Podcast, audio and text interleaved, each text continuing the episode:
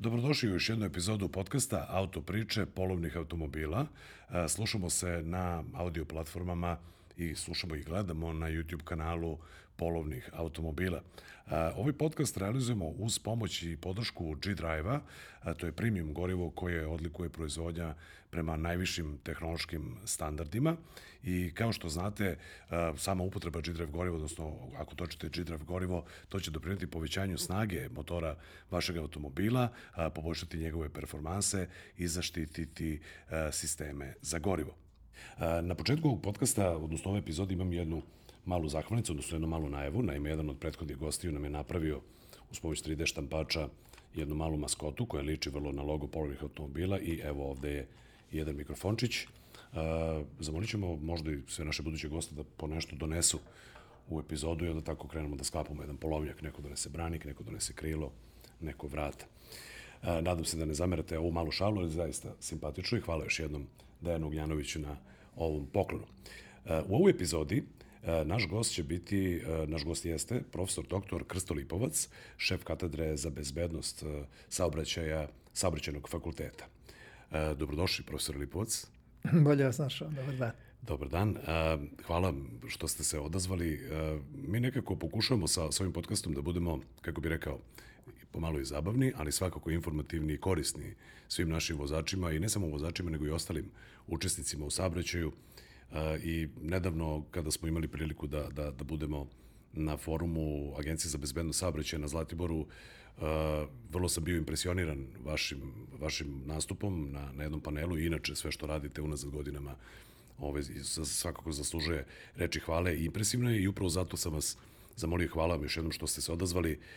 Uh, mislim da ste jedan od najboljih sagovornika zapravo za temu bezbednosti u saobraćaju, upravo tome kakvi su trendovi, gde smo mi, šta je ta nova nacionalna strategija, kakva je bila stara, pa da krenemo. Ja bih krenuo generalno vašom ocenom o tome kakvo je naše stanje bezbednosti u saobraćaju.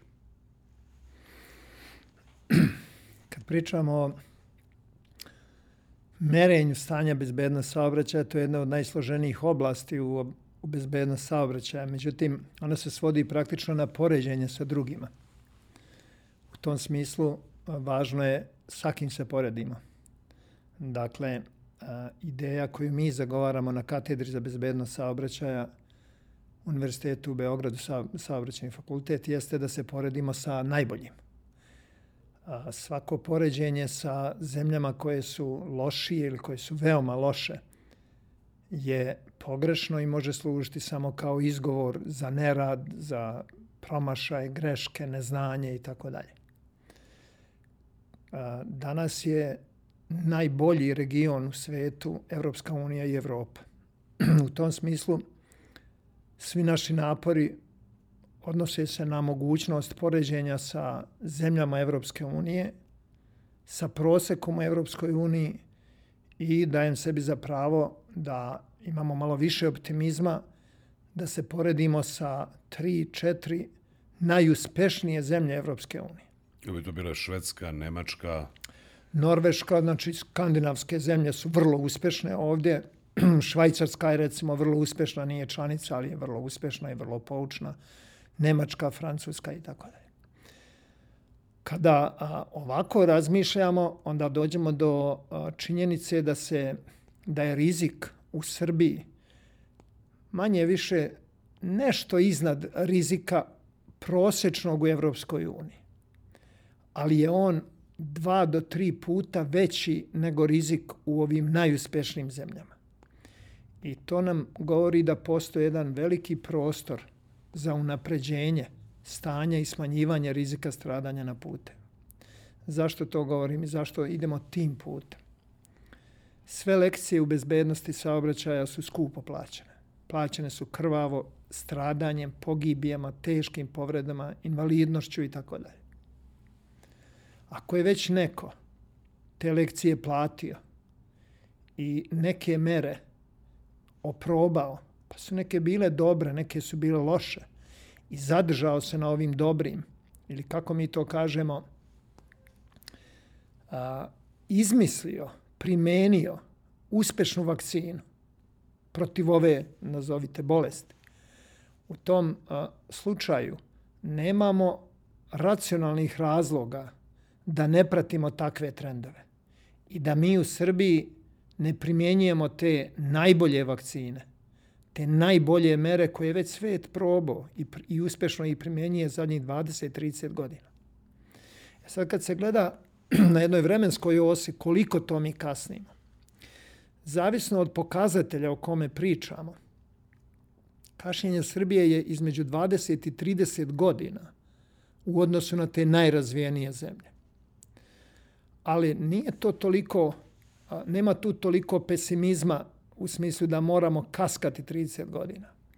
Ukoliko bismo u prvi plan istorili nauku, pamet i dobru našu organizaciju i upravljanje procesima u bezbednost saobraćaja, ovaj period od 20-30 godina može da se svede na 5-6 godina. Tako da za neki 5-6, najviše 10 godina sustignemo te najrazvijenije zemlje Evropske unije. Mi smo u nekoliko oblasti pokazali da to možemo. Primjera radi. u prethodnih deseta godina smo uspostavili jedan od najboljih u svetu koncepata i sistema praćenja stanja bezbednosti saobraćaja. Srbija danas ima jednu od najboljih baza podataka o saobraćenim nezgodama i povređenim u saobraćenim nezgodama, koja je bolja i od tih najboljih zemalja Evropske unije. Srbija danas i ta je baza otvorena za korisnike bilo gde u svetu. Web aplikacija postoji. Mi se sa njom zaista ponosimo na svim konferencijama. Srbija je uspostavila najsavremeniji model, metodologiju merenja takozvanih indikatora performansi sistema bezbednost saobraćaja, koji u jednom velikom delu obuhvataju praćenje ponašanja u saobraćaju. Srbija prati i učestvuje u evropskim projektima kojima se periodično snimaju stavovi učesnika u saobraćaju o različitim vidovima rizika u saobraćaju i tako dalje. I taj projekat, mi smo pored Izraela jedina zemlja koja nije u Evropskoj uniji, a učestvuje u tom projektu. I dajemo rezultata da se ne hvalim sad da smo mi dali inicijativu da se prethodni projekat koji se bavi o stavovima unapredi, jer je Evropa bavila se samo stavovima vozača. Na naš predlog su tom projektu dodati i dvotočkaši, motociklisti i dodati pešaci. Da bi danas cela Evropska unija pričala kako su ta dva dela projekta u stvari možda važnija od, od onog što su oni radili u prethodna tri projekta. Srbija je uspostavila i od prošle godine mogu reći da ima jedan od najsavremenijih referentnih sistema a, puteva. Dakle, a, referentni sistem koji a, sa vrlo preciznim koordinatama definiše sve tačke na našim putevima, sve objekte i tako dalje.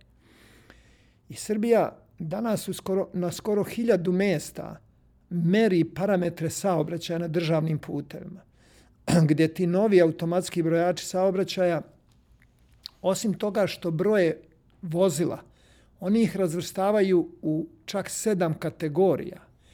Bro, a, mere brzine na, na svim tim a, novim automatskim brojačima. Tako da možete za svako od tih tačaka analizirati brzinu prethodnih 365 dana, brzinu ponedeljkom, brzinu u noćnim uslovima, brzinu u jednom smeru, brzinu samo teretnih vozila, brzinu samo motocikla i tako dalje. To su uh, fantastično važni preduslovi da se kvalitetno prati stanje bezbednost saobraćaja. I to jeste prvi korak u upravljanju sistemom bezbednost saobraćaja.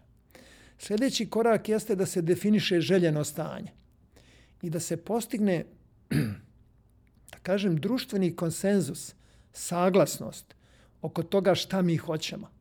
A to podrazumeva saglasnost struke, nauke, saglasnost učesnika u saobraćaju, saglasnost političkih i drugih lidera, donosioca odluke i naravno saglasnost svih građana. To je izuzetno ozbiljan proces. Mi smo, pripremajući prošlu strategiju bezbednosti saobraćaja i nemajući sve ove adute i elemente postojećeg stanja, uspjeli da ostvarimo saglasnost struke i delimično donosioca odluke umeđu vremenu se menjali donosioci odluka gdje novi nisu baš najbolje pratili i razumeli šta hoćemo. Pripremajući predlog nacrta sadašnje strategije do 2030. godine, napravili smo, čini se, širi društveni konsenzus. Preko 60 institucija je učestvovalo u pripremi. Saobraćeni fakultet je bio nosilac, tako da struka, nauka su stale i saglasne sa tim. Ti donosioci, ti predstavnici institucija su saglasni. Nama ostaje sad da nacionalno telo za bezbednost saobraćaja na svoju sednicu stavi tu strategiju, da odobri da ona ide na javnu raspravu i posle toga da je naša vlada usvoji. Ona je vrlo ambiciozna. Ambiciozna baš u kontekstu ove prvi par rečenica da smo mi opredeljeni da težimo najuspešnijim zemljama Evropske unije, da se sa njima samo poredimo i da je to jedino ispravno. I mislimo da ćemo a, u narednom periodu puno više uspjeha imati u realizaciji te strategije. To traži ozbiljne promene od svih njih. Najozbiljnije su promene koje u glavi treba da nam se dese.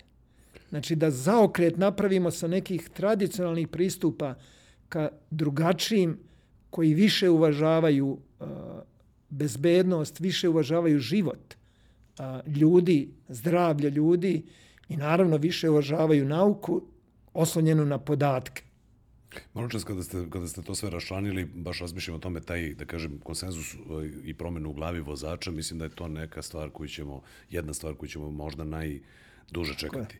Zato što nekako, a, svedoci smo, evo, naslovi svako malo u, u štampi, na portalima, strašna tragedija, strašna nesreća, onako laički gledano, čitano, ovaj, kad vidimo da, da, da tu su ljudi bili nevezani, recimo u automobilu, ili da je prekoračenje brzine koje jeste broj jedan uzrok ovaj, stradanja na našim putevima, da prosto nekako naši ljudi su već, čini mi se, ako smem tako da kažem, da je većina vozača stava šta sad ovaj znak ovde, šta sad ova patrola ovde, oni su tu samo da, ne znam, napune budžet, samo da mene kazne, samo da mene ograniče. Ne shvatajući koliku medveđu uslugu sebi čine, koliku grešku prave. E, već smo pričali u ovom, u ovom podcastu, bio je tu i gospodin Stamatović, direktor Agencije za bezbednost saobraćaja i ne samo sa njim, ali pričali smo recimo o vezivanju pojasa. Da sam ja ozbiljnu debatu imao sa nekim čovjekom, na, na, ako se to može nazvati ozbiljnom debatom, na društvenoj mreži, gde on ovaj, se upustio sa mnom u, u, u, u razgovor zašto on ima pravo da se ne veže. Iako ne shvata da time ugrožava i sebe, pardon, i mene i druge učesnike oko sebe. Hoću da kažem, nekako deluje kao da su naši vozači a, baš nekako ovaj što kažu navikli da idu kontra i da aha ovde piše 40 ma može ovde sigurno 60 a nema nikad nigde belog auta a da ja ću ovako šta mislite da li da li ta promena uopšte može da se desi kad uzmemo broj vozača i koliko će nam tu trebati vremena pa u tim promenama ima rekao bih nekoliko faza prvo ne može se očekivati od pojedinca da razume i ozbiljno shvati e, značaj nekog prekršaja. Za njega je rizik u saobraćaju minoran. Jer ako mu kažete da će na milion kilometara biti šansa da neko pogine ta i ta, on kaže, pa neće ja nikad preći milion kilometara. I on podsvesno razmišlja da se to na njeg ne odnosi. Zato je ovde koncept drugačiji. Nauka se bavi uh, razvojem i propisa, razvojem e, standarda, razvojem metodologija i tako dalje. Kad na nauci zasnovano definišete neki propis, posle toga je zadatak države da ga a, uobliči u pravnu normu. I ta pravna norma je obavezujuća za učesnike. I kad oni razumeju njen značaj i kad ne razumeju. Na samom početku će mali broj ljudi razumeti. I to teško ide. Međutim, kako vreme odmiče, sve veći broj ljudi će, a pogotovo mladih, razumevati značaj ovoga. I mi ćemo doći do druge faze u primjeni pravnih normi. Ako smo u prvoj fazi imali da niko je ne razume i to doživljaju kao teror, u drugoj fazi nešto veći broj ljudi to razume i počinje prihvatati. Znači, jedno je poštovati pravnu normu, a drugo je prihvatati. Naš cilj prvi jeste da povećamo procenat onih koji prihvataju Dakle, moj cilj je da svi koriste pojas, bez obzira šta oni o tome misle. To je prvi cilj. Ali drugi važan cilj jeste da što veći broj ljudi prihvati to, da shvati da je to važno, da to ima smisla. To je ozbiljan proces. Napraviti taj iskorak i to prekoračiti. Ono što je dobro što u jednoj fazi razvoja i primjene tom procesu prevlada društveni stav da je to korisno i da je važno. Na osnovu toga smanjuje se društvena tolerantnost na taj prekršaj. A tek onda u trećoj fazi to postane stvarno jedna moralna norma. Da je nemoralno da se vi ne vežete, da ne koristite pojas, na primjer, da prekoračujete brzinu, da vozite utjecajem alkohola, da pređete van pešačkog prelaza i tako dalje. I to je jedan naprosto društveni proces koji traje. Mi možemo da ga skratimo, ali ne može on da bude ujutru završen.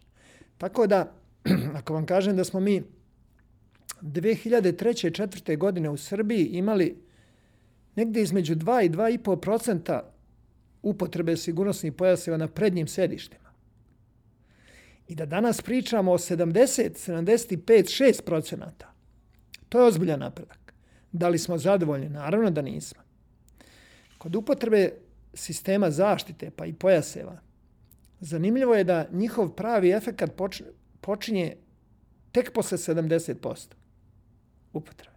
Zašto? Ko lako prihvati da veže pojas? Onaj ko lako prihvata i druge norme. On poštuje propise. I onog momenta kad ste mu rekli valjalo bi vezati pojas, pa čak i da nema kazne, on počinje vezati pojas. Jer ima poverenje u sistem. Ko teško prihvata? Pa onaj ko ne prihvata ni druge obaveze. A ko veoma teško prihvata? Onaj ko, je, ko se kočoperno opire i da ne vozi pod utjecajem alkohola i da ne poštuje režim saobraćaja, on neće ni da poštuje ograničenje brzine, on se opire svim normama. Zato pravilo neko važi tek kad pređete 90% upotrebe pojasa. Tada počinje prava borba sa onima koji su problem bezbedna saobraćaja. Jer negdje oko 5% vozača predstavlja oko 90% problema bezbedna saobraćaja. Kao pareto princip skoro, 80-20. Tako je. Tako, Tako da, a, znači, treba voditi računa da te tri faze u, u prihvatanju, prihvatanju, naglašavam, a, propisa i pravila su nešto što treba i naučno i stručno sagledavati, pratiti i mora da se mesi javnost kao što se testo mesi. Znači da njome upravljate, s jedne strane nekima će biti važno to što je povećana kazna, drugima će biti važno što su saznali nešto, pa to je sad neki izgovor njima da promene ponašanje. Jer promjena ponašanja je i stvar časti. Ljudi su ukorenjeni u jedno ponašanje. I kad mu vi kažete, e, od ujutru već pojas, on se osjeća poniženim. Jer do juče nikad nije koristio pojas. Poznat je po tome. A sad mu vi pustite reklamu i kažete vežite pojas. To njega ponižava. Umjesto toga radije mu ponuditi izgovor, jedan častan izgovor da on sa čašću promeni ponašanje. Da, da može sad komši i prijatelj da objasne, sad ti je jutro, što jutro skoristiš pojas? A on kaže, da, da, do juče nisam, bio sam pametan ja juče, pa zbog toga i toga nisam. Ali sad se pojavilo, novo vozilo imam, pa je bolji pojas, povećane su kazne, češće kontrolišu. Vidio sam i tamo kako je moj komšija jedan uh, nastradao zbog toga. Znači, on mora imati neki izgovor za promjenu ponašanja. Slično je kod brzina, slično je kod promjene moda prevoza, da sa uh, putničkog vozila pređe na javni gradski. Mora mu ponuditi izgovor. Ako mu danas kažemo da je u Beograd stiglo 100 novih, kvalitetnih, dobrih autobusa, da je u njima dobro osvetljenje, da možete i uveče čitati knjigu, e, vozeći se, da nemate problem sa parkiranjem. Sad je povećana cena parkiranja u centru, povećana je cena benzina. Onda on kaže, pa evo mi izgovora da pređem na javni gradski. Ako ga samo pozivate, nemoj više ići svojim vozilom, dođi javnim gradskim. Pa on bi se malo poniženo osjećao kad bi ujutru promenio ponašanje. Pa ga pitaju komšir, šta biti s tobom? Šta ti je danas? Otkud ti u autobusu? Da. Vratit ćemo se malo na to i kako je budućnost inače transporta i, i generalno a, a, koliko zapravo koristimo vozila, šta su trendovi u razvijenom svetu, ali bi se na trenutak samo vratio kada ste pomenuli da se ugledamo na najbolje zemlje i da mi zapravo ne zaostajemo toliko u procentima, ali u godinama zaostajemo za njima. Zapravo na, na forumu Agencije za bezbedno saobraćaje čuo sam podatak da bi mi zapravo skladno veličini naše zemlje trebalo da imamo a, skoro tri puta manji broj poginulih i to je zapravo ta, tu se najviše vidi nekako ta razlika. Mislim, to je negde parametar koji najviše para uši ljudima, ali tako? I u, rekao bih najvažnija stvar da sačuvamo ljudski život. E, samo sam to hteo da, da prokomentarišemo, na, na kratko se vraćamo, pa da onda, pa da onda ovaj, krenemo dalje. Tako je. Kad smo pričali već uh, prošli put o strategiji, definisali ciljeve, mi, mi smo, da kažem, hrabro i izazovno rekli da cilj treba da bude za 10 godina da prepolovimo broj poginulih. Pritom to nije ništa novo, to je rezolucijom Ujedinjenih nacija definisano definisano Moskovskom deklaracijom koju je potpisala Srbija, odnosno naši predstavnici, znači mi smo to već prihvatili. Tako i za ovaj period. Dakle, do 2030. godine treba prepoloviti broj poginulih i broj teško povređenih. I to je nešto o čemu se više ne diskutuje. To je na globalnom nivou definisano. Usvojno, izvijem se što vas prekidam, samo sam htio da napravimo i razliku između toga kada već najavljamo novu, e, da obavezno prokomentarišemo i staru strategiju. Tako je. Nacionalnu strategiju bezbednosti i saobraćaju i onda da, da, da, da, da pričamo da. o, o novoj. E sad, a, zavisno od a, mere koju pratite, da li je to javni rizik, broj poginulih ili nastradalih, odnosno na broj stanovnika ili saobraćenja, odnosno na broj vozila, ili najbolji dinamički saobraćenja u odnosu na pređenu kilometražu. Zavisno od toga, mi e, imamo a, dva do tri puta veći broj nastradalih nego te najrazvijenije zemlje. A, a, o čemu se radi? Radi se o tome da te najrazvijenije zemlje su ranije počele upravljati bezbednošću saobraćaja. Mi smo a, počeli time da se bavimo tek 90. godina, krajem prošlog veka. Najrazvijeniji 60. godina, 70. već uveliko pričali o tome i primenjivali jednu po jednu a, meru, je, da kažem, to su i eksperimenti, učili su oni na, na, na tome. Mi imamo i prednost i nedostatak. Prednost je u tome što su to već oprobane negdje mere. Preuzimajte ih. Mi ne moramo ginuti koliko su oni ginuli zbog neupotrebe pojasa. Ajmo preuzeti tu ideju, slično i za brzine. Ali sa druge strane smo u nedostatku jer kasnimo. Dakle, i dobro i loše je tu. A, e sad, kad pričamo o prethodnoj strategiji, njenom, njenim dometima, prvo treba da uh, budemo svesni da su uh, ideja strateškog upravljanja i donošenja strategije i akcionog plana – savremene ideje i one su osnova upravljanja bezbednošću saobraćaja. Dakle, nema upravljanja bez strateških dokumenta. Sa druge strane, definisanje ciljeva je jedan od ozbiljnih stručnih, političkih, društvenih pitanja kojim mora ozbiljno da se bavi svaka država, svaka nacija. Ciljeve uvek treba definisati da budu izazovne, da budu ambiciozni ali dostižne. Dakle, po nekim idealnim uslovima, oni su dostižne. To što se ne dostignu svi ciljevi, to ne znači neuspeh. E, ako mnogo omanete, onda je to neuspeh. A, mi smo a, od ranije pričali da je, a, znači, nauka mora uvijek ići malo ispred i biti još ambicioznija nego što to prihvataju oni koji su nosioci ovlašćenja, koji treba da odgovaraju za to.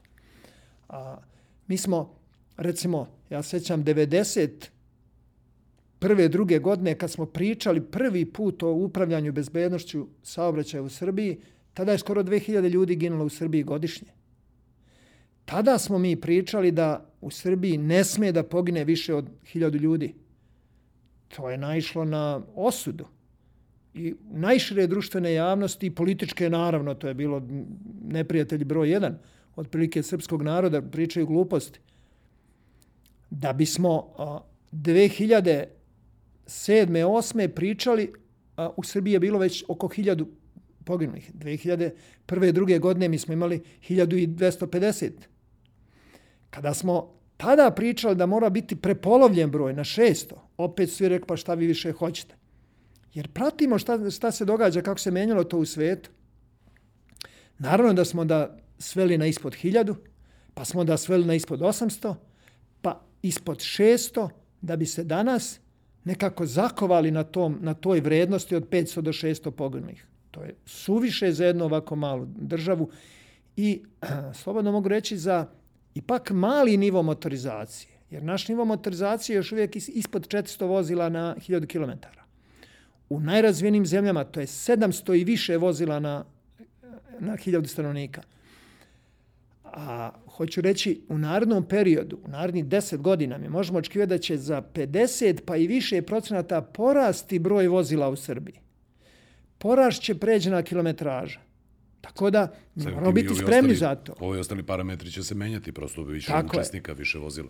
I a, sada mi pričamo o tome da sa tih a, 550 ili koliko a, već poginulih, mi moramo ići na ispod 300. Znači, 2030. mi ne smijemo dočekati sa više od 300 poginulih. To je previše je i to, ali idemo nekim korakom. E sad se toj viziji dodaje i broj teško povređen da se i to prepolovi. I ono na što posebno želimo a, da utičemo jeste na a, rizik stradanja dece. To je možda najveći promašaj u prošloj strategiji.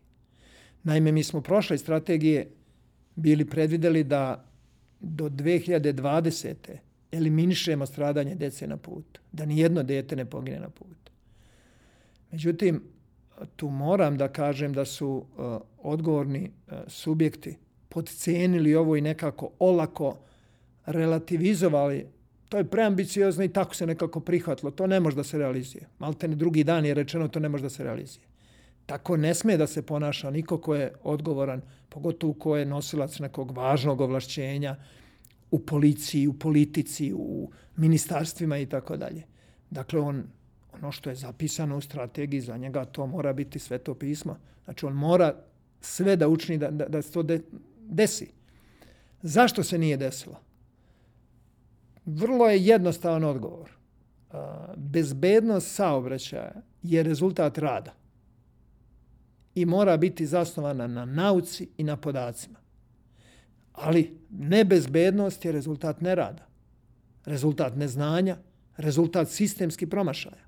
I to je činjenica. Bez obzira što se neki, pogotovo nosioci važnih ovlašćenja, ljute kad se to kaže. Jedini razlog što ovo nije dostignuto je nerad. Mi nismo radili šta je trebalo, niti smo radili kako je trebalo. Ako nismo spremni da se pogledamo u oči i da se suočimo sa tom činjenicom, mi ćemo isti neuspeh konstatovati za 7-8 godina. Dakle, samo na takav način, uz neprekidno praćenje, osluškivanje šta smo postigli ovom merom, trebali je osvežiti, trebali je promeniti. Nauko, dajte mi pomozite. Struko, dajte pomozite. Privredo, pomozite i vi. Mediji, pomozite nam i vi. Dakle, spuštanje, banalizovanje problema bezbednost saobraćaja i svođenje na rad saobraćne policije je pogrešno. To je bilo 30. i 40. godina prošlog veka. Dakle, 1928. godine Srbija je donošenjem tadašnjih propisa u bezbednost saobraćaja istakla značaj saobraćene policije. 1928. I dan danas nama većina, pogotovo nosioca najvažnijih ovlašćenja, želi to da objasni da je za sve kriva saobraćena policija. I da ona treba sve da riješi. To, to, to je pogrešno. Za sve. Ili da to, za rešavanje. I zaista u tome mi imamo veliki problem. Ako to nismo spremni u glavi da prevaziđemo, malo ćemo, malo ćemo postići. Ja sam bio impresioniran, upravo pominjem ovaj Zlatibor već, već koji put i u, i u ovoj drugoj epizodi podcasta, a, da je zapravo, a, čini mi se, a vi me ovaj, ispravite ako grešim, da je se prvi put na jednom mestu su se našli svi, skoro svi, predstavnici lokalnih samouprava, upravo a, ljudi saobraćajne policije iz ministarstava i struka. I meni to bilo frapantno da se takav skup nije do tada desio. Što čini mi se i govori, da kažem, pozitivno o tome da će neke stvari da se promene i da će združeno da se radi upravo na postizanju ovih rezultata koje ste pomenuli. Ja mislim da a, je to najbolji put koji nam može najbrže dati a, neke efekte koje mi želimo. A, združeno delovanje je nešto što hrabruje sve učesnike ovog procesa. združeno reagovanje daje za pravo onda svakom pojedincu i svakom predstavniku institucije neke da ujutru malo, da kažem, bude više posvećen tome za šta je zadužen i da bolje razume svoj značaj u ukupnom tom sistemu. Svi su značajni.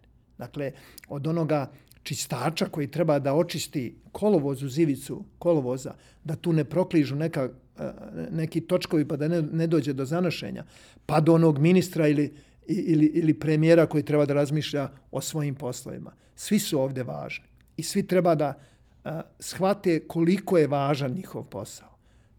Ako to budemo uspeli graditi, onda ćemo imati a, više uspeha. Mi smo u prethodnom periodu uspeli da nametnemo ili probamo nametnuti a, nauku kao nekog ko se nudi To smo radili kroz nekoliko stalnih konferencija koje su vidljive, događaju se, dakle, neprekidno u Srbiji. Jedna od njih je prevencija saobraćenih nezgoda, koju redovno svake dve godine držimo u Novom Sadu. Jedna se odnosi na veštačenje saobraćenih nezgoda. Dve imamo koji su važni da, da, da se što više i što bolje razume šta se u stvari do, događa vezano za nezgodu. Izuzetno važna je konferencija bezbednost saobraćaja u lokalnoj zajednici koja već 18. godinu u aprilu se održava i na tim skupovima svakoj prilici mi iz programskog odbora pozivamo različite učesnike. Posebno naglašavamo značaj da tu dođu predsjednici države, državnih institucija, državnih organa i tako dalje. U prethodnom periodu smo prošli različite faze pa se događalo da ne znam, zbog krize, zbog uh, nedostatka financija, uh, ti predstavnici iz države ne dođu ili dođu samo na pet minuta na otvaranje, što je pogrešno. Pa se događalo, maltene, da neke skupove im zabranjuju da dođu, jer je sad to neki sumnjiv tamo uh, član programskog odbora koji se ističe, on je rekao nešto i sa čim se ministar ne slaže i tako dalje, što je takođe pogrešno. Na tim skupovima se čuju različita mišljenja, ponude različita rešenja, to je dobra prilika i da predsjednici države, državnih institucija kažu šta su radili, šta rade, šta planiraju, da čuju mišljenje stručne, naučne javnosti, najšire javnosti i tako dalje. Jedan od tih skupova jeste i ovaj koji e, nekoliko zadnjih godina forsira Agencija za bezbednost saobraćaja i koji je ove godine bio otvoren zaista više nego u prethodnim godinama i on bio malo zatvoren. Ove godine su više oškrinuli vrata i nauci i stručnjacima iz drugih institucija, što je, ja mislim, dobro. Nadamo se, što kažu, da će to sve zajedno dati ove ovaj, rezultate i da ćemo uspeti da da skratimo ovu razliku, da smanjimo razliku između nas i ovih zemalja na koje se ugledamo.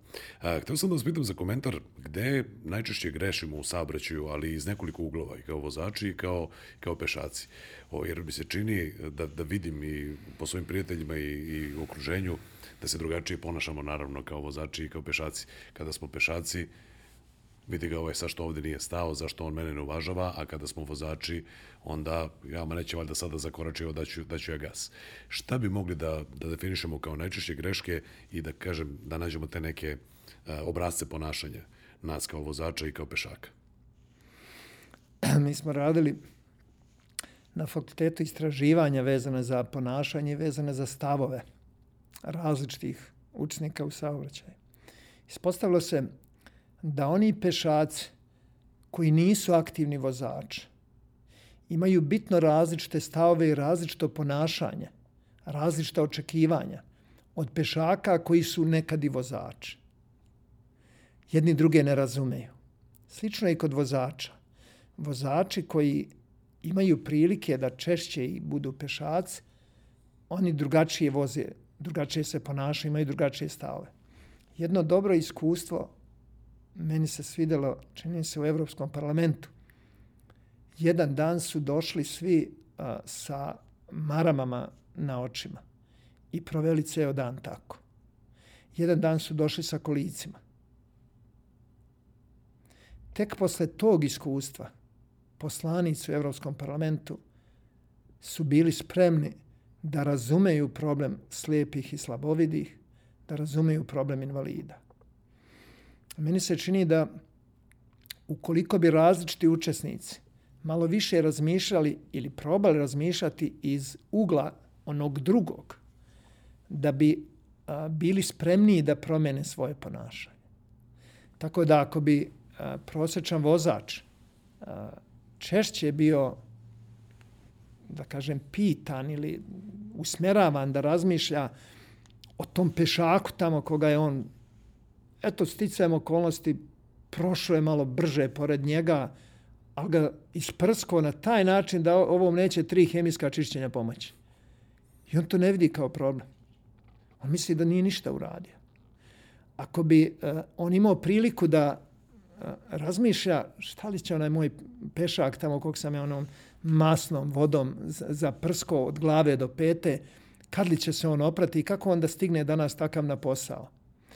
Kao što i ako bi uh, pešak malo razmišljao o tom vozaču kad krene mimo pešačkog prelaza, kako on njega iskida tamo i, i, i, i, i, i isecka, em je stajao na crveno, em je propustio ovog na pešačkom i sad mu neko ovamo došao vam pešak, pa još trči, pa još sa desne strane.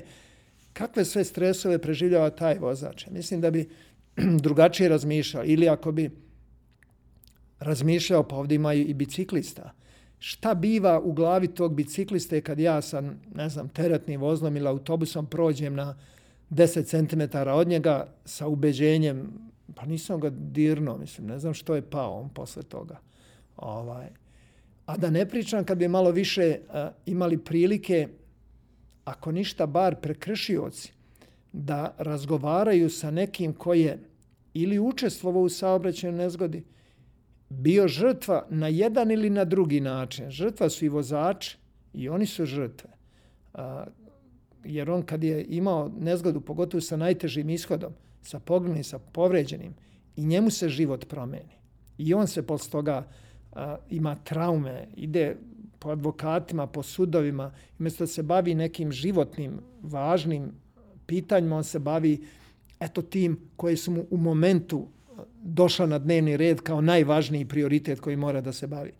Tako da, ako bi neko, neki vozač mogao, recimo, koji čini takve prekšaje, pa da mu jedna od sankcija bude e, provedi dva sata sa ovim vozačem koji je bio osuđen zbog saobraćene nezgode, pa je možda ležao u zatvoru, ili provedi dva sata u porodici ovo kome je dete poginulo ili ostalo invalid, pa sa njima malo se druži, možda bi to više uticalo nego što ćemo kaznu dići sa, ne znam, 5 na 10 hiljada dinara i tako da. Znači, više razumevati jedni druge.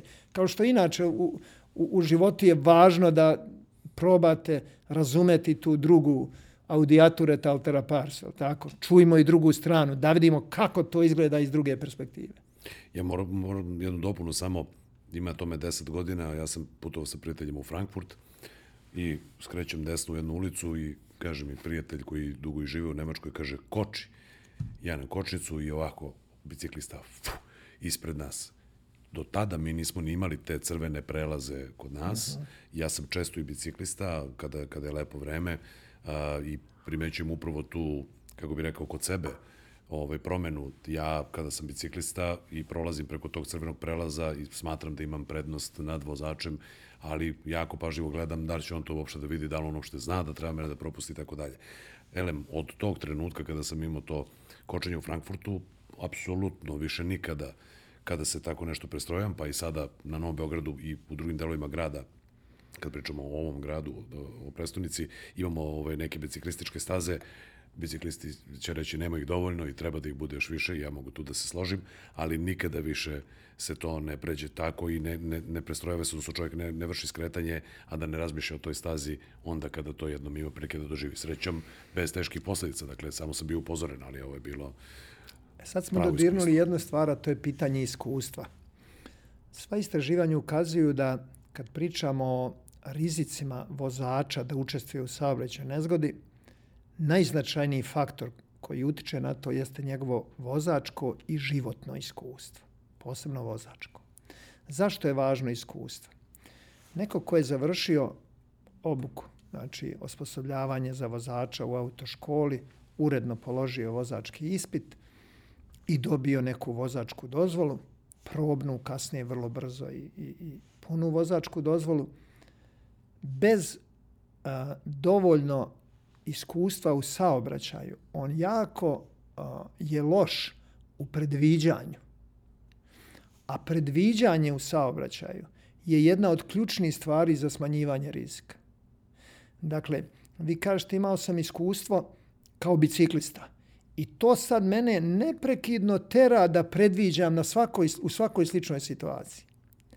E sad je pitanje šta radite da ubrzamo dostizanje nekog iskustva sa jedne strane, a sa druge strane korišćenje tog iskustva, da ga vozač bolje iskoristi i da to uradi na bezbedan način.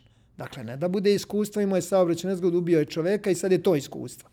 Nego, kako sad nekome na bezbedan način učiniti, doprinijeti da on razume koliko je važno da stane na tom pešačkom, koliko to nezaustavljanje, nepropuštanje pešaka, nekad nekultura, bezobrazluk, koliko oni mogu u momentu da promene njegov život i život njegovih ukućana, njegove porodice i tako dalje.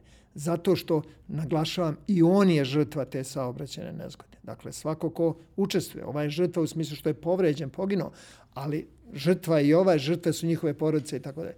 Ako bi se uspelo u tome da se više priča o predviđanju, o jednom uspešnom predviđanju, razumevanju najopasnijih situacija i odgovoru na njih, pravom odgovoru. Šta uraditi? Šta ovde predviđate? Aha, a šta treba da uradite? Stoji autobus. Šta ovde možete očekivati? Aha, a šta vi treba onda da uradite da se ne, ne desi najgore? Ovde ulazite u krivinu. Šta možete očekivati? Ovde je biciklista. Šta možete očekivati biciklista ispred vas? Ovaj se nešto tetura. Šta možete očekivati? Da li je pijan, da li je bolestan, neki problem ima?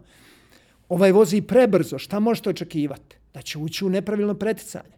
I tako dalje. Dakle, očekivanje, predviđanje su možda ključne a, reči za smanjivanje rizika učešća u saobraćaju. Naravno, slično to važi i za pešake. I on mora a, imati iskustvo i u pešačenju, korišćenju to, tih saobraćajnica u smislu, e sad hoću pređem ovde kolovoz, šta mogu ja da očekujem? Hoću idem duž kolovoza, šta mogu da očekujem ako idem desnom stranom? Da li mogu očekivati vozilo koje mi dolazi sa leđa? Da li se mogu pomeriti?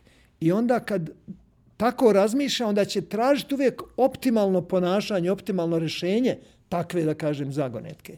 I to može doprinositi smanjivanju rizika. Moramo neki simulator da napravimo koji će da ide posle ne? škole. Simulatori jako puno pomažu ovome. Jer jedino tako bi mogli da imaju, da kažemo, i vozači pešaci iskustva. Recimo, preporuka za pešake, mada ste to zapravo sve sad ovaj, lepo sažali i rekli, dakle, ne može očekivati da automobil stane ako recimo prelazi van obeleženog ili na obeleženom pešačkom prevozu, ali već ide velikom brzinom. Ako je to nije realno očekivati da će stane, onda neka, nekakav inat izlazak, e sad ja izlazim na pešački prevoz, jer on meni mora da stane, to neće uroditi plodom, nažalost, nego će se završiti potpuno drugačije. Da, to jesu česte greške, dakle, pošto mi na fakultetu na godišnjem nivou radimo između 50 i 100 veštačenje, ekspertiza nezgoda sa najtežim ishodom. Često imamo i, i takvi slučajeva da pešak na pešačkom prelazu otima svoju prednost, da kažem tako, uslovno, ne razumevajući da vozilo, odnosno vozač, nema tehničke mogućnosti da stane u tom momentu kad je on kročio na kolovoz, ako bi u momentu reagovao, ne može da stane.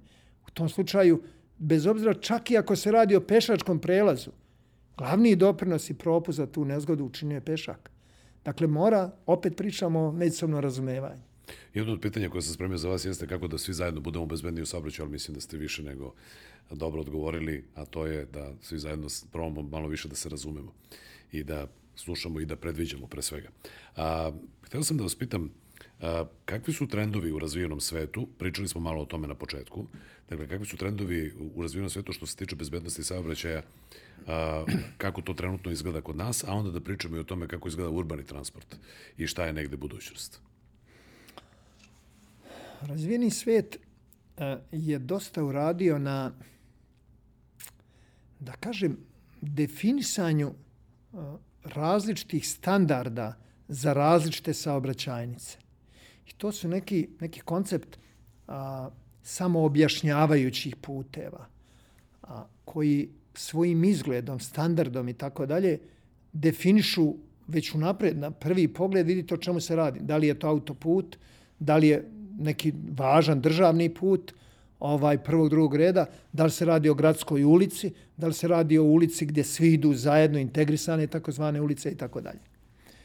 Smatra se da u tom konceptu samoobjašnjavajućih puteva danas leži možda a, najveći potencijal za unapređenje bezbednosti na putevima. U skladu sa tim, definišu se saobraćajnice koje su namenjene za daljinska putovanja, koje su namenjene za velike brzine i koje su projektovane i svi njihovi elementi su podređeni velikim brzinama. To su tipični autoputevi, evropski putevi, mreža evropskih puteva treba da bude takva. Oni treba da nam omoguće efikasan daljinski saobraćaj. Dakle, da od Švedske do Srbije dođete efikasno, da ne putujete 50 sati, nego ako je moguće kratko, bez mnogo a, stresova. Dakle, to je po pravilu neka monotona, ujednačena vožnja i tako dalje. Tipa, kad izađete na takav put, uključite tempomat na 120, 130 i kad završite sa tim putem, tada menjate brzinu. Međutim, to je jedna krajnost. I sad između postoji nekoliko, a druga krajnost jesu gradske saobraćajnice. E sad je u gradu sve podređeno ranjivim učesnicima u saobraćaju. I sve je podređeno bezbednosti njihovoj. U projektovanju to su dva koncepta projektovanja. Za te brze saobraćajnice i puteve van grada, otvorene deonice, primjenjuje se takozvani koncept projektovanja od centra ka periferiji. Hoće reći, sve morate učiniti da centar bude obezbeđen. To je kolovoz. Kretanje motornih vozila i to brzih motornih vozila. A onda idemo dalje ka periferiji, da li ima mesta za još nekoga da dodate neku biciklističku stazu i tako. Ali je dominantan cilj centar. Sa druge strane, suprotno tome, u naselju, u gradovima, je koncept projektovanja od periferije ka centru. A to sad podrazumeva. Prvo mi obezbedite za pešake. Oni moraju imati prostor. Pa onda obezbedite bicikliste, motocikliste, skutere i tako dalje. Pa ako ostane prostor, obezbedite za vozila. Pazite ovo, ako ostane prostor, obezbedite za motorna vozila. Sličan koncept sad se primjenjuje i kod održavanja. Pa ćete u Švedskoj neretko vidjeti sneg se čisti na trotoar, sa trotoara, pa sa biciklističkih staza, pa kad stignu onda će i sa kolovoza. Potpuno suprotno od onoga što smo mi navikli.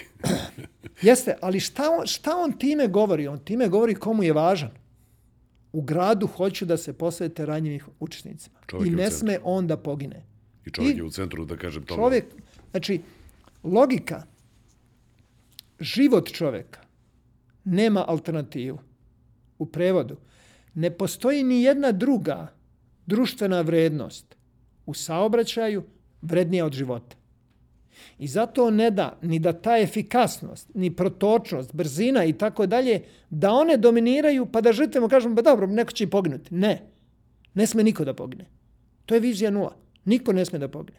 Kako ćemo putovati? E, aj sad da vidimo kako ćemo putovati. Samo niko ne sme da pogine. Kad to prihvatite, sve se menja. Menja se moj pogled na, na, na, na moj život se menja. Pogled projektanta na projektovanje. Pogled ovoga na održavanje. Pogled vozača na vožnju.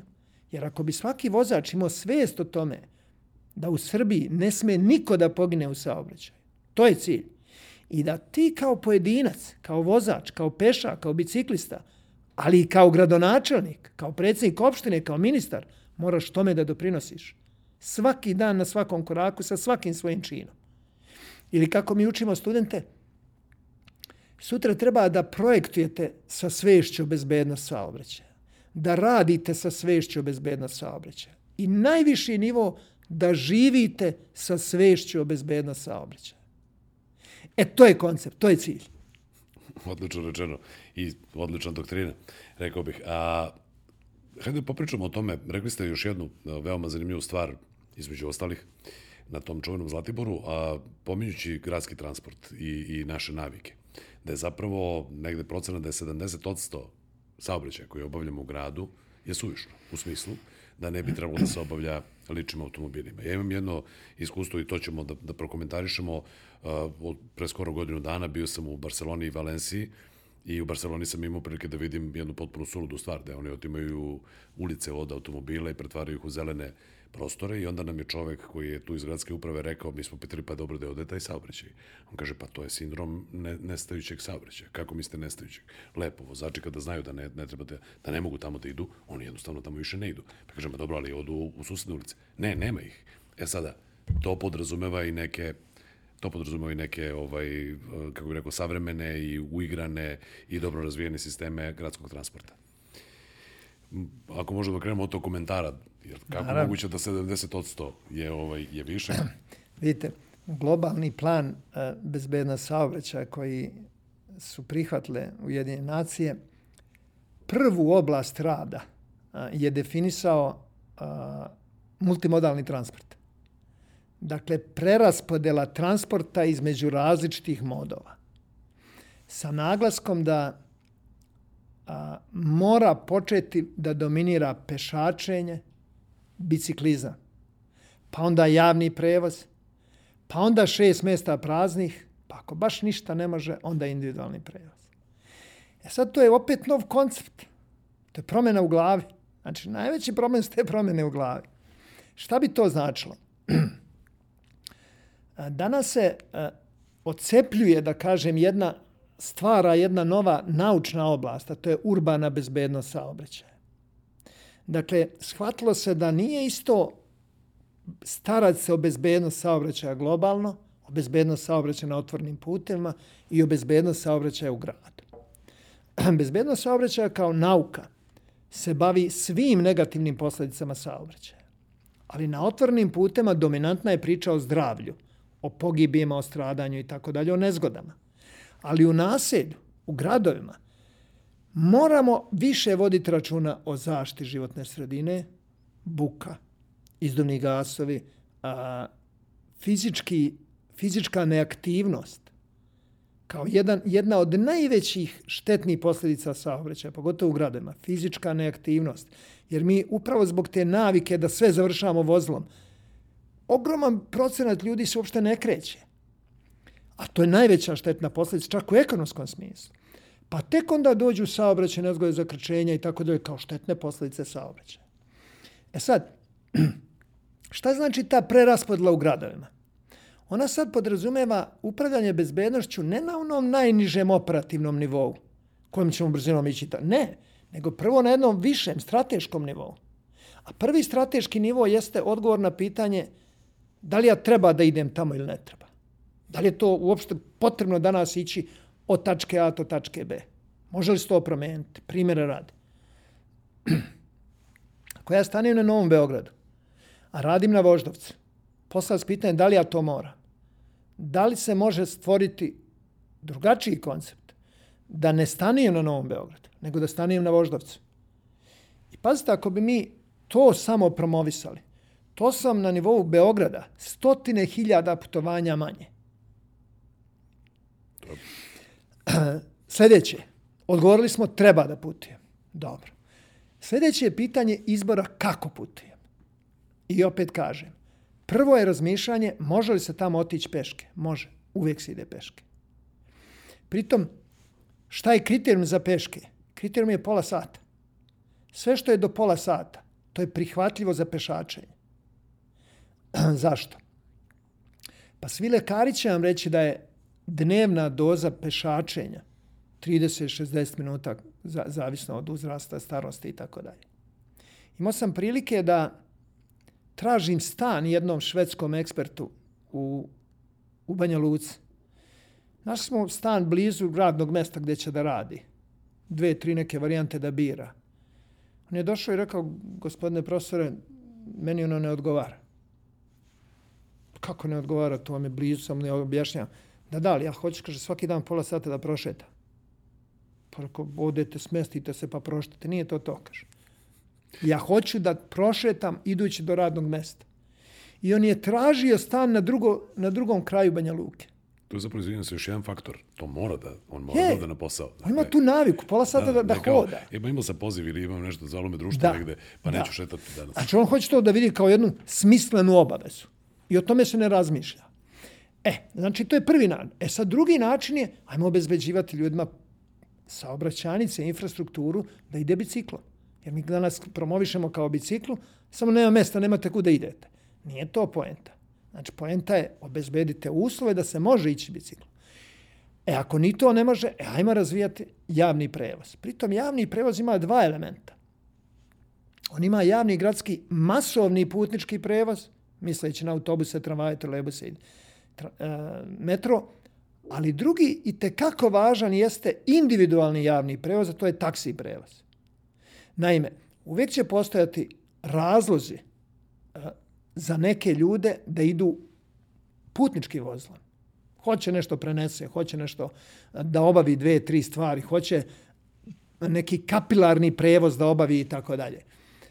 Zato je jako važno da i taksi prevoz bude kvalitetan, jeftin, dostupan srednjoj klasi, ne samo najvišoj klasi.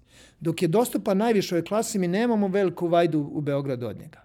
Kad postane dostupan srednjoj klasi, da li kroz povećanje njihovog ekonomskog standarda ili spuštanje nerealnih cena e, taksi prevoza, to može bitno uticati na opredeljenje ljudi da ne idu svojim vozilom. I naravno, kvalitetan masovni transport.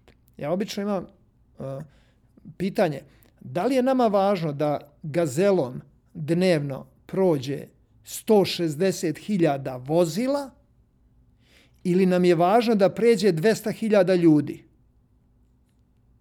Mislim da smo sad ušli u jednu mantru zagonetnu da a, sve činimo da pređe, ako može, 200.000 vozila. To nije cilj.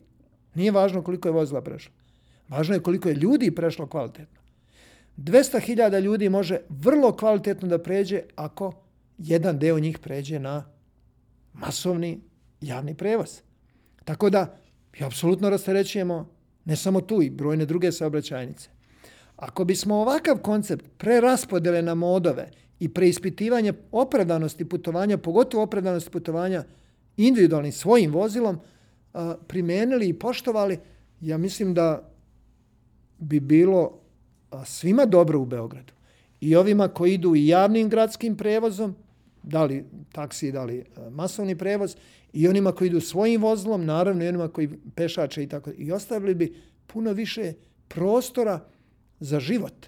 Ulice treba vratiti ljudima, a ne vozilima.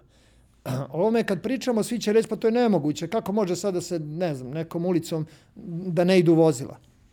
Onda ja postavim pitanje, da li znate da je knez Mihajlovom, da su išla vozila u četiri trake? Bila puna. Zamislite kakav je to tada bio šok za Beograđane, kad je neko se drznuo da kaže ovdje ćemo šetati. A da li bi danas Beograđani dali knez Mihajlovu i vratili je motornim vozilima? Sigurno ne bi. Ne bi, dakle, promena na kojoj onda čovjek mora da se navikne. Ja sam, evo, imao sam lični primjer, juče kolaps u gradu, bilo je potrebno da, da član moje porodice dođe sa druge strane grada gde sam ja bio i onda alternativni vid prevoza, ali individualnog, ne taksi.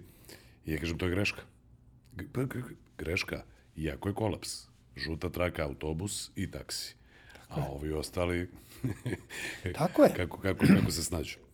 Ove, neko će reći, slušajući da sada, pa da, ali to jednog dana kad budemo imali podzemnu železnicu, kad budemo imali metro, kad budemo mogli da, da ukombinujemo to sve. Nekako deluje kao da sve te karike u tom lancu, za koju god da se uhvatimo, ona nekako ima jedan mali slabi kraj. Ne znam da li biste se složili. U trenutnom, govorim u trenutnom stanju. Istina je da ovo nije jednostavno. Istina je da ovo nije ni jeftino. Dakle, javni gradski prevoz košta.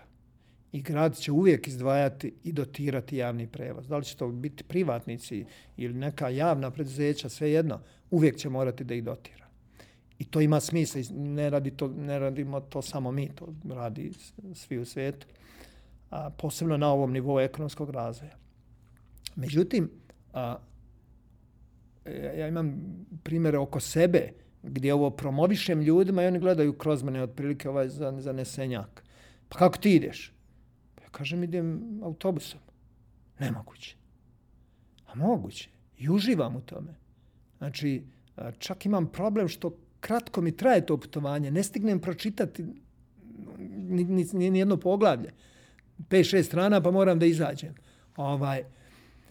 A onda se desi da oni iz nekog razloga pređu sa svog vozila, da li su osiromašeni, da li su otišli u penziju, da li su izgubili vozačku, ne znam. I onda me sretnu pa kažu, he, kako je dobro ono što si nam rekao. Znači, ja, ja mislim da, da, da mi više imamo predrasudu o tome, a da ne pričam, već je to malo izlizana priča da je to neki statusni simbol imati vozilo. Nije to više nikakav statusni simbol i, i svijetu to više ismevaju ovaj, kad neko hoće da prikaže da je to statusni simbol. Nije. Ovaj, pogotovo nije u gradu. U gradu se danas više to a, izvrgava ruglu kad neko dođe u centar grada da se pokaže da ako može ispred restorana na ulaznim vratima parkira svoj džip i tako dalje. To je postoji nekoliko kampanja koje ismevaju ta, takva ponašanja i, i vrlo su dobro osmišljene a, te kampanje i uspeli su da naprosto eliminišu taj način razmišljanja. Mislim da mi sad prolazimo kroz jednu, nadam se, kratku fazu, da će to još malo trajati, da ćemo vrlo brzo i mi postati svesni da vozilo nije statusni simbol i nije važno imati veliko vozilo, važno imati veliku kuću, imati veliku pamet, imati veliku porodicu, a ne veliko vozilo. Hvala mnogo što ste bili gost u ovoj epizodi, upravo zbog velike pameti i mnogo, mnogo ovaj, divnih stvari koje ste rekli, korisnih i, i poučnih. Nadam se, morat ću da vas zamolim za jedno javno obećanje da ćemo vas ponovo videti i slušati u ovoj, u ovoj formi ovde kod nas, zato što ima dosta tema koje mislim da možemo i treba da pokrijemo. Naravno, bilo mi je zadovoljstvo uh, i što sam gost i način kako ste vodili emisiju i nadam se da će ona imati nekog odjeka i hvala vama što uh, ovakve ideje e, promovišete i nadam se da ih gledaoci dobro primaju. Hvala najviše još jednom. Hvala i vama na slušanju i na gledanju. Ne zaboravite like, share i subscribe, dakle na svim audio platformama i na YouTube kanalu Polovnih automobila, podcast Autopriče. Ovo je bilo još jedna epizoda, nadam se da ste uživali. you.